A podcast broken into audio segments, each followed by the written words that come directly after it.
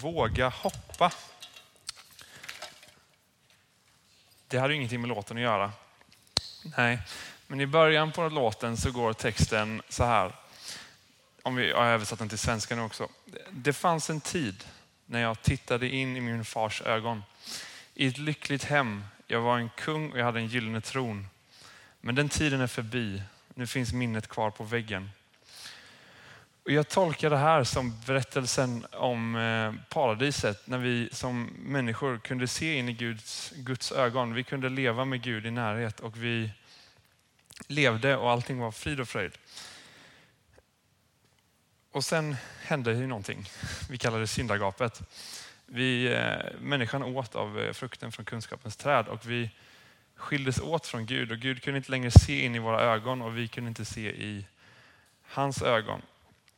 Vilket leder mig också till en annan liknande grej. Eh, Ronja Rövardotter, Mattisborgen. Blixt slår ner, delar hela borgen i två. Man kan tänka sig att Gud sitter på ena sidan och vi sitter på andra sidan och så har vi det här gapet emellan och så är det mörkt och så kan vi liksom inte riktigt ta oss däremellan. Eh, det fina med båda de här berättelserna är att det finns någonting som vinner i slutändan och det är inte gapet. Eh, Gud, eh, ska säga, det, det handlar om att hoppa. I båda dessa fall så finns det något som är så kraftigt så att gapet kan liksom inte övervinna. Det finns något så kraftigt att två människor väljer att kasta sig över ett jättedjupt, extremt farligt gap. Det finns något så starkt att en far väljer att offra sin enda son för att bygga över det här gapet. Ronja och Birk kanske var helt orationella och bara dumma som hoppade över det här.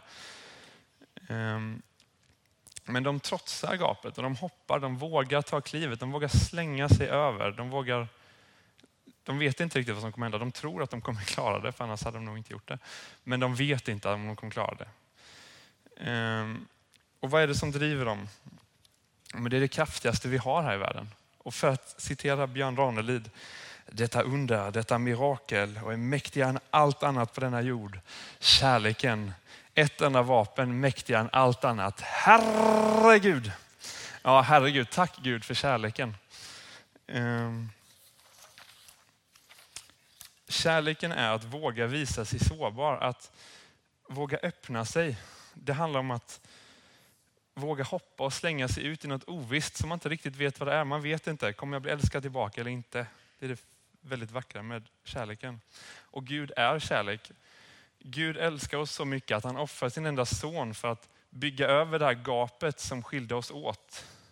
Kärleken är så stark så att två barn kan få en hel borg med två ärkefiender att enas i slutändan och bli ett.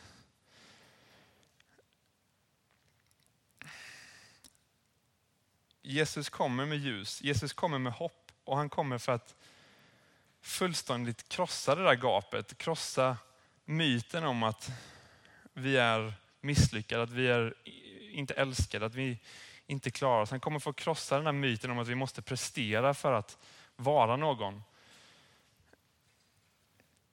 Och det finns inget gap i världen som kan liksom stå emot vår Gud.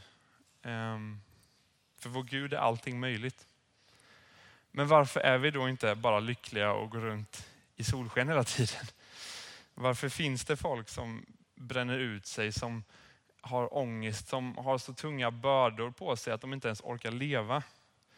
Jo, det finns en motpol till den här lyckan också. Det finns en fiende som försöker intala oss att vi inte duger, att vi inte är något, att vi är misslyckade, att vi måste prestera för att vara någon.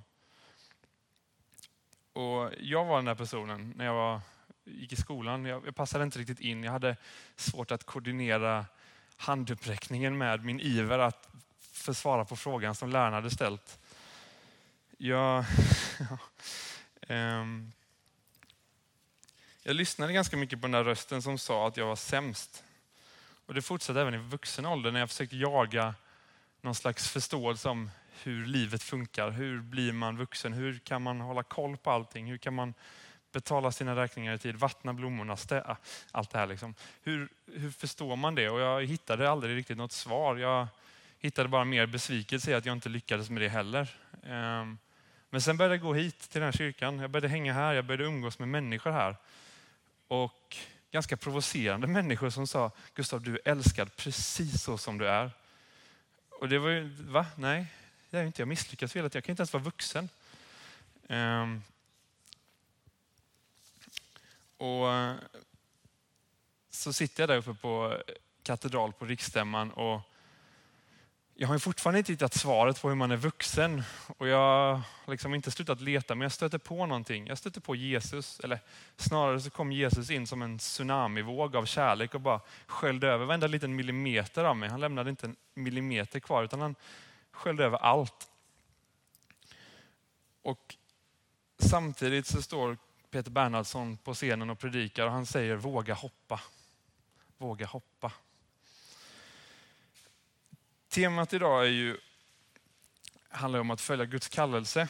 Och Emilia läste ju så fint en text, men jag skulle ta ut en del av den. Nästa dag tänkte Jesus bege sig därifrån till Galileen. Då träffade han Filippos.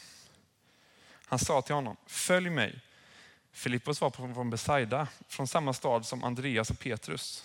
Filippos träffade Natanael och sade till honom, vi har funnit honom som det står om i Moses lag och hos profeterna, Jesus, Josefs son från Nasaret.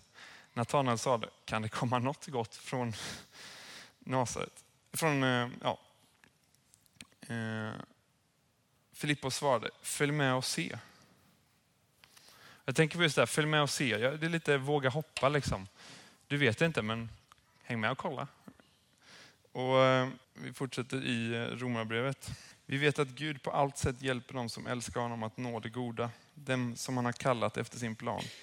Till dem har han i förväg utvalt, har han också bestämt till att formas efter hans sons bild, så att denne skulle vara den förstfödde bland många bröder.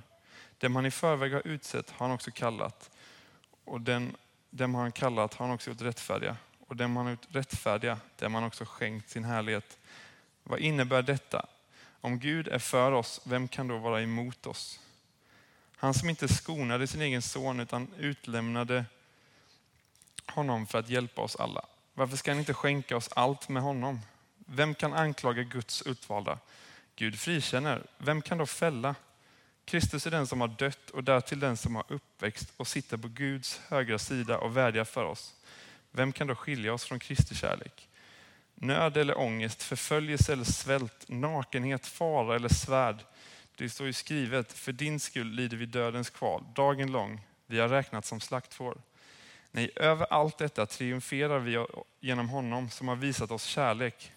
Ty jag är viss om att varken död eller liv, varken änglar eller andemakter, varken något som finns eller något som kommer, varken krafter i höjden eller krafter i djupet, eller något annat i skapelsen ska kunna skilja oss från Guds kärlek i Kristus Jesus, vår Herre. Och Det handlar just om det, om Gud är med oss, vem är då emot oss? Om Gud har offrat sin egen son för att få vara med oss, vem är då emot oss? Vad har vi att förlora på att hoppa? Är det samhällets oförmåga att se varje unik individ som något vackert? Är det i det här samhället som vill att vi ska prestera för att vara någonting, är det det vi har att förlora så kanske det inte betyder så mycket. Men det, det är läskigt att hoppa. Det är läskigt att stå där framför gapet. Jag gjorde också det den där kvällen på katedralen när Peter Bernhardsson har sagt våga hoppa. Och Gud visade direkt så här, det här måste du göra Gustav, det här är bra om du gör. Jag visste bara det, det här ska jag göra. Och det handlar i princip om att vända upp och ner på hela mitt liv. Och direkt kom rädslan, så här, nej. Och så kom den där lilla rösten som sa, nej men det, det var inte så Guds, Gud menade Gustav. Det, du ska bara göra några små bekväma förändringar så kommer allt bli bra sen. Och, och den där rösten var ju samma fiende som har sagt att jag var värdelös och alltihopa. Um, det tog ganska lång tid, det tog några månader innan jag vågade trotsa den rösten och verkligen hoppa på riktigt.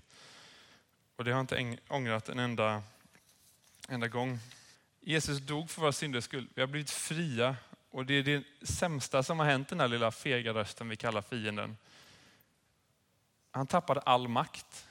Jesus vann en gång för alla och därför använder den här fienden massa fula lögner och knep för att få, fortfarande få oss att tro att vi är värdelösa, men det är vi inte. Vi är älskade. Vi är skapade till den perfektion vi är. Och vi har vårt kall. Gud har skapat oss för någonting. Och vi är skapade för att hoppa, för att våga följa vårt kall, våga ta klivet. Eh, John och Robert kan.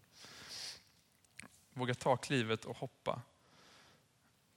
Det är liksom det. Vi, vårt kall, vi, vi ska ta klivet och det är kanske inte alltid logiskt att hoppa över ett gap. Det kanske är ovisst, det kanske är jättehögt eller så kanske det är jättelågt, men det kan vara läskigt ändå. Men vi kallar det att gå emot det där och hoppa ut. Och vi kan göra det med vissheten om att kärleken är det starkaste som finns. Kärleken har övervunnit allt hat. Kärleken lyser som ett ljus i mörkret och mörkret har inte övervunnit det. Nu ska vi gå in i en stund av bön och lovsång. Och känner någon att de skulle vilja ta ett sånt där kliv så kan man be om det, man kan sjunga med, man kan bestämma sig. Det, det är läskigt, jag vet. Men eh, jag har inte ångrat mig en sekund kan jag i alla fall säga. Eh, det finns ljus, man kan tända ljusbärare, man kan få förbön nere i hörnet om man känner att man vill, behöver att någon ber för en. Ehm, så vi är i bön. Jag skulle bara säga att Gud är god. Han är finurlig. För när jag stod där på riksstämman 2017 så sa han också genom en låt Don't you worry child, see heaven's got a plan for you. Alltså, oroa dig inte mitt barn. Himlen har en plan för dig. Och jag fattade inte riktigt det då, men för, när jag, för några veckor sedan på min svensexa fick samma låt uppspelad för mig så hörde jag de där orden. Oroa dig inte mitt barn. Himlen har en plan för dig. Och himlen har en plan för alla. Himlen hade en plan för mig och den har det för dig och dig och dig och dig också. Vi måste bara våga följa den.